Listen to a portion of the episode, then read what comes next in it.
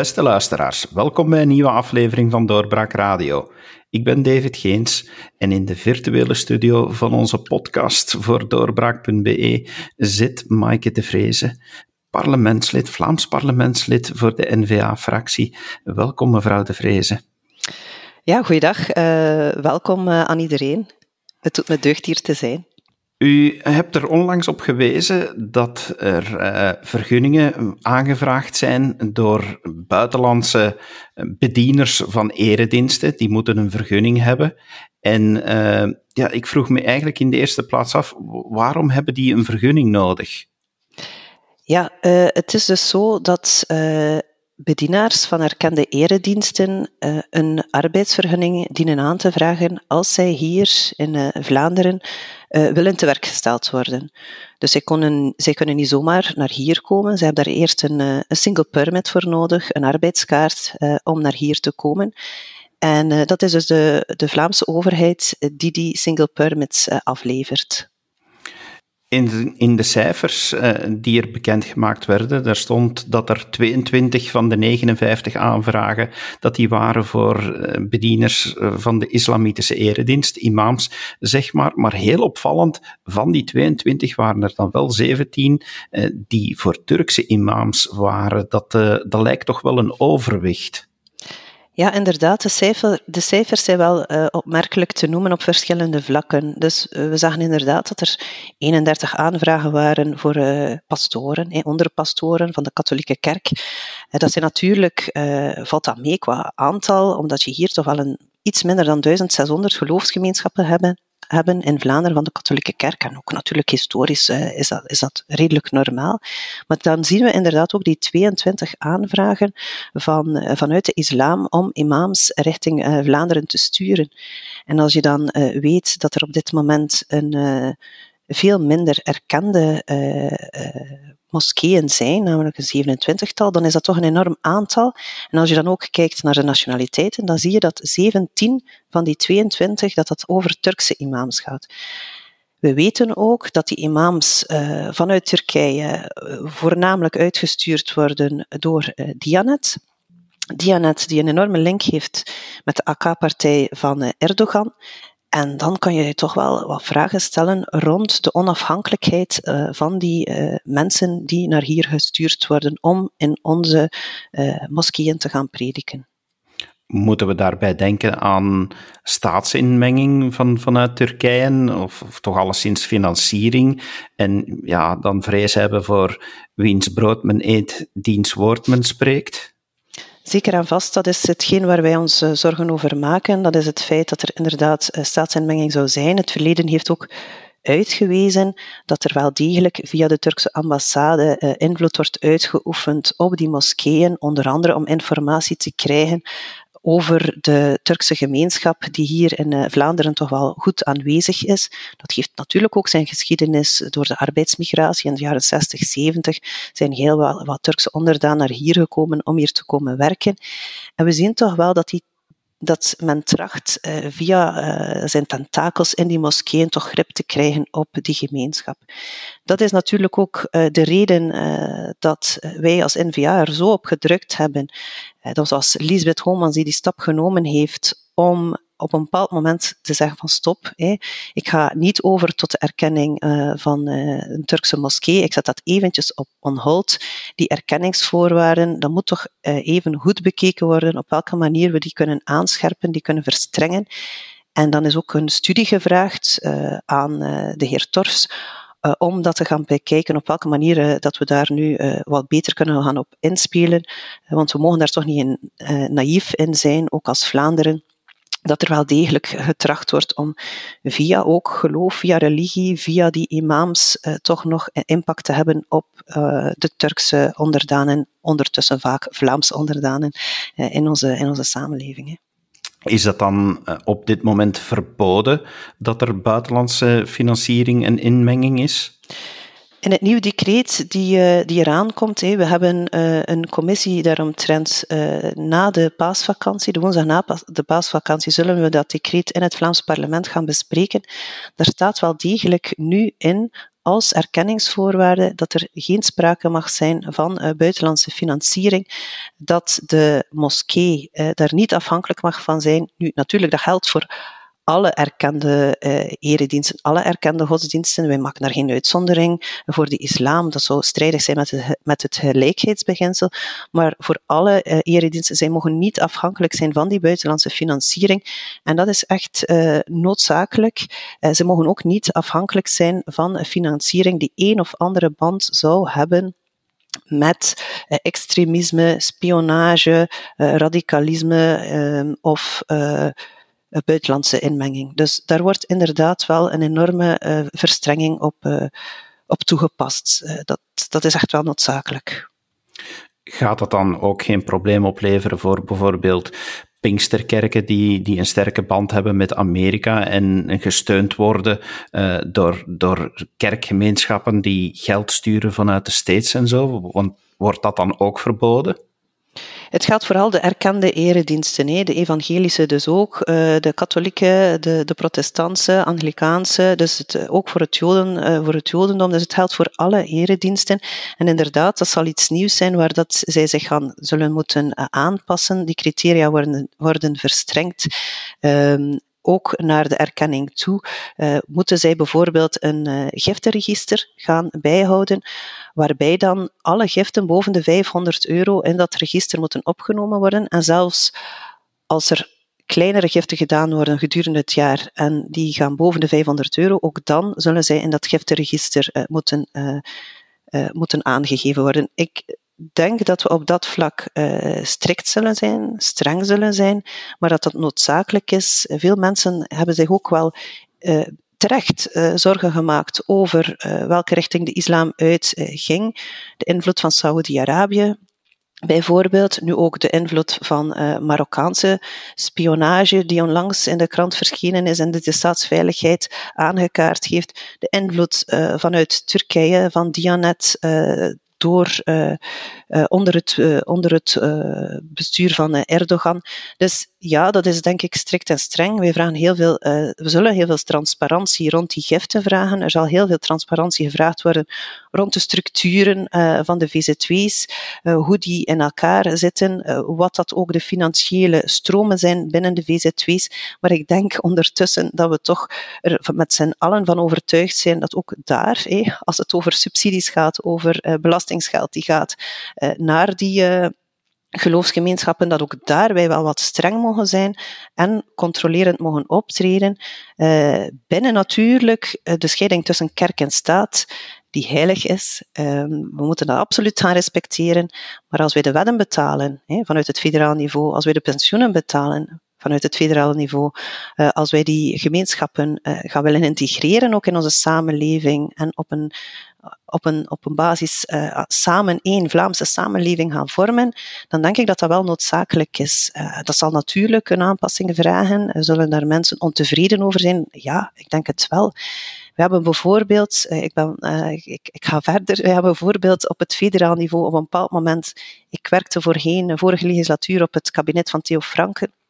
We werden geconfronteerd met de aanslagen op 22 maart 2016. En toen werd ook een aanbeveling gedaan, en we hebben dat ook, uh, ik heb dat ook bekeken, om voor de niet erkende moskeeën de visa die, uitgerekend, uh, die uitgereikt worden, om daar eigenlijk een stop op te zetten. En uh, we hebben dat juridisch bekeken en dat houdt ook stand.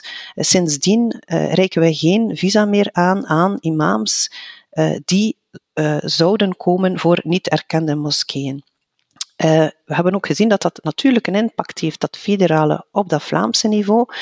Uh, waar, we, waar we zien dat als je daar zegt van oké, je kan niet, uh, geen, visum niet, geen visum meer krijgen voor een niet erkende moskee, dat dan natuurlijk doorstroomt dat, wat het nut is om toch een erkenning te vragen voor die moskeeën, wat dan weer voor de Vlaamse overheid het voordeel heeft dat, dat je bepaalde voorwaarden kan gaan stellen, eh, criteria kan gaan opleggen eh, voor die erkenning. En ook wat krijgt, op wat zich dus eh, daar afspeelt. Want ja, we, we werden wel geconfronteerd met haatpredikers in moskeeën. En dat kunnen we toch absoluut niet gaan tolereren dat via het geloof, via radicalisering, onder het mom van religie ook bijvoorbeeld jongeren aangezet worden om te radicaliseren en in de tijd te gaan strijden richting Syrië en zich aan te sluiten met verschrikkelijke groeperingen zoals IS.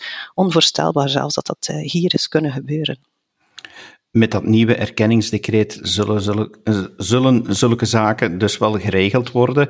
Maar dan is het uiteraard ook wel belangrijk dat de Vlaamse overheid weet wat er gebeurt. Uh, zijn daar middelen voor voorzien dat uh, Vlaanderen meer inzicht gaat krijgen wat er gebeurt in die verschillende geloofsgemeenschappen? Ja, dat is zeker zo. Het is ook zo dat via het nieuwe decreet dat er een nieuw toezichts- en controleorgaan zal opgericht worden dat is binnen uh, het agentschap Binnenlands Bestuur. En die zal uh, de nodige uh, tools aangereikt krijgen, zodat zij kunnen gaan controlerend optreden. Zodat zij kunnen de gegevens opvragen. Wie is lid van die moskee? Hoeveel leden zijn er? Want dat wordt ook een nieuwe erkenningsvoorwaarde. er moet ook maatschappelijke relevantie van zijn van die moskee. je zult minimum 200 leden moeten tellen. En al die zaken, die transparantie, de financiële stromen, de maatschappelijke relevantie, Um, is de imam geïntegreerd? Voldoet hij aan zijn inburgeringsplicht? Want dat is ook een noodzakelijke voorwaarde die in het decreet staat. Dus iedere imam moet ook, eh, is niet eh, uitgesloten van een inburgeringsplicht, maar moet die inburgeringsplicht voldoen. En al die zaken die zullen door dat toezichtsorgaan gecontroleerd worden. Dus we gaan zeker en vast ook voorzien in de nodige controle op al die criteria en niet enkel in de periode, want er wordt een wachtperiode voorzien van vier jaar, zodat uh, de geloofsgemeenschap zich kan aanpassen en uh, kan bewijzen dat ze voldoen aan de erkenningsvoorwaarden. Maar ook nadien zal de moskee, moskee, we hebben het hier nu over de islam, de moskee, maar ook de andere natuurlijk, uh, gecontroleerd worden op die erkenningsvoorwaarden. Met andere woorden, er zal ook veel meer gekeken worden dat er uh, gepreekt wordt in overeenstemming met onze waarden en normen in onze maatschappij. Ja, dat is dus uh, zeer, zeer belangrijk. Uh, die, um, het respect voor onze waarden en normen, zich die ook gaan onderschrijven. Daarvoor is ook die inburgeringsplicht er. Maar ook de lokale geloofsgemeenschap moet de principes van onze rechtsstaat gaan respecteren en moet ook rekening houden met alles wat het EVRM betreft. En er wordt ook in, als voorwaarde gesteld dat um, bijvoorbeeld een non-discriminatiebeginsel moet gerespecteerd worden. We hebben onlangs het voorbeeld gehad uh, van uh, de moskee waar er uh, puur homofobe uitspraken werden gepropageerd. Ook daar is onmiddellijk op ingegrepen door de opheffingsprocedure te starten. En dat willen we met dit decreet nog meer gaan doen. Dat zit er nu ook in verankerd als erkenningsvoorwaarde, dat al die principes wel degelijk uh, moeten uh, erkend worden en nageleefd worden uh, door de imam, door het bestuur en dat er ook de nodige controle komt op wat zich in die moskee afspeelt je moet ook weten, een, een moskee wordt niet enkel gebruikt als um, puur um, plaats om uh, religie te beleven. Maar dat is ook natuurlijk groter dan dat. En dat wordt eigenlijk een, een plaats waar mensen elkaar, die dezelfde religie hebben, elkaar ontmoeten. En uh, waar dat je ook wel uh, meer en meer ziet als die moskee goed ingebed is in de Vlaamse samenleving eh, dat die ook contact zoekt natuurlijk met de omwonenden en de buurt. En dat is ook de bedoeling, dat die moskee volledig ingebed is in onze Vlaamse samenleving, uh, goed uh, met het lokale bestuur overlegt, dat is ook een van de voorwaarden, maar ook met zijn omgeving. En dus daarmee het, die samenlevingscomponent wordt versterkt in het nieuwe erkenningsdecreet. Vreest u dan niet dat er wat meer spanning gaat komen te staan op de verhouding tussen staat en kerk? Want ja, ook als we kijken naar de katholieke kerk, zijn er toch onlangs homofobe uitspraken gedaan. De, de paus die zegt dat het, uh, dat het homohuwelijk een, een zonde is en zo. Gaat dat uh, niet allemaal voor extra spanningen zorgen? Ik denk op dat vlak dat er onmiddellijk antwoord gekomen is natuurlijk vanuit Vlaanderen om te zeggen van oké, dat is niet meer van deze tijd, homo die homofobe uitspraken. Uh, ik denk ook dat uh, als het de islam betreft, dat, dat daar even luid mag tegen gereageerd worden, tegen die homo homofobe uitspraken. Ik denk dat er ook veel dat er ondertussen ook een aantal voorbeeldfiguren binnen de Vlaamse gemeenschap zijn die moslim zijn, die zich daartegen gaan uitspreken, die zelf ook homo zijn en die zich daaruit tegen uitspreken. Dus ik denk dat we op dat vlak in Vlaanderen al een evolutie doorgemaakt hebben, zeker ook al binnen de katholieke kerk, waar dat die uitspraken natuurlijk enorm te betreuren vallen. We gaan op dat vlak echt geen stappen achteruit zetten. We hebben op het vlak van, van, van die rechten uh, voor, voor mensen op dat vlak uh, zoveel stappen vooruit gezet, ook op het vlak gelijkheid man-vrouw, zoveel stappen vooruit gezet dat we op dat vlak echt, echt, echt geen, geen millimeter achteruit mogen zetten. Um, dat, dat zijn we onze, onze iedere Vlaamse, Vlaamse onderdaan verplicht om, om daarvoor te vechten en te blijven vechten en daar stappen in vooruit te zetten en niet, en niet achteruit. Dat lijkt mij wel evident dat dat voor bepaalde geloofsgemeenschappen een, een moeilijk is, moeilijk ligt, uh, dat zij daar voor een stuk nog mee worstelen. Dat denk ik dat we dat moeten herkennen. Dat is zo. Dat is iets die er is maar die wij moeten bespreekbaar maken en waarvan dat wij heel duidelijk moeten zeggen uh, dat wij daar dus geen millimeter op toegeven. Zo simpel is dat. Het erkenningsdecreet eh, eh, regelt heel wat zaken. Was dat voor de Vlaamse overheid makkelijk om dat allemaal naar zich toe te trekken? Want sommige van die zaken waar het nou bij aanleunt, eh, lijken toch ook wel ja, weer deels op het federale niveau te liggen. Zit, zit daar ook weer de typische Belgische versnippering in? Ja, dat is zeker. Dus het is allemaal zeer complex. Het is uh, typisch uh, op zijn complexe Belgisch geregeld. Uh, een deel van de bevoegdheden, bijvoorbeeld de erkenning van de geloofsgemeenschappen zelf, dat behoort tot de bevoegdheid van Vlaanderen. Maar dan heb je de betaling van de wedden, de erkenning van de godsdiensten zelf. Dat zit dan weer op federaal niveau. En dan heb je nog de opleiding voor imams, die dan weer al tussen de twee niveaus zweeft en heel veel overleg vraagt. Dus het is zeer duidelijk dat dat moeilijk ligt, dat dat weer zorgt voor meer overleg, meer afstemming, terwijl dat beter tot één coherent pakket zou behoren van de, van de Vlaamse uh, overheid, van de Vlaamse, van de, van de regio's, omdat dat ook heel dicht uit, uh, aansluit bij dat lokale niveau. We zien dat ook uh, trouwens op het vlak van die arbeidsmigratie. als we spreken over die visa, de visa, um, de aanvraag gebeurt bij uh, de minister, allez, bij, de, bij de Vlaamse overheid, die bevoegdheid voor arbeidsmigratie, maar de toegang en het verblijf tot het grondgebied, dat zit dan weer federaal. En dus eh, je hebt eigenlijk een gedeelde bevoegdheid tussen het Vlaamse en het federaal niveau, die het allemaal complexer maakt en uh, waardoor je eigenlijk geen uh, co coherent uh, beleid moeilijker, veel moeilijker een coherent beleid kan, kan doordrukken. Dus ik ben echt absoluut voorstander van allebei die pakketten, als het nu gaat om migratie, of dan rond de erkende godsdiensten en geloofgemeenschappen, om dat eigenlijk op Vlaams niveau te kunnen krijgen. Net zoals bijvoorbeeld arbeidsmarktbeleid, denk ik dat dat pakketten zijn die gewoon één pakket zijn, die op het regionale niveau thuis horen. Is dat een vraag van NVA om alles wat migratie betreft te gaan regionaliseren? Ja, ik denk dat dat uh, logisch zou zijn, dat wij ook op vlak van migratie uh, regionaal kunnen beslissen wie, wel of niet toegang krijgt uh, tot ons, ons Vlaamse grondgebied. Maar of dat dan nu tussen hier en 2024 en naar de, naar de onderhandelingen toe mogelijk zal zijn, dat, dat weet ik niet. Maar het is wel iets die ik denk zou zorgen voor een coherenter beleid, ook op het vlak van migratie, zodat wij daar de toegevingen niet moeten doen die wij nu op dit vlak wel, wel moeten doen. U zei dat het erkenningsdecreet dat dat uh, volop eigenlijk in behandeling is. Ja. Er is dus een vergadering na de paasvakantie. En wat is dan het verdere verloop? Wanneer, wanneer zou dit effectief van kracht worden? Ik geloof dat bijvoorbeeld, ze zijn nu al aan het aanwerven voor het controleorgaan die er komt. De timing was daar uh, september. Dus uh, we moeten nu uh, eerst in commissie het decreet bespreken en daarna moet het natuurlijk ook nog naar de plenaire.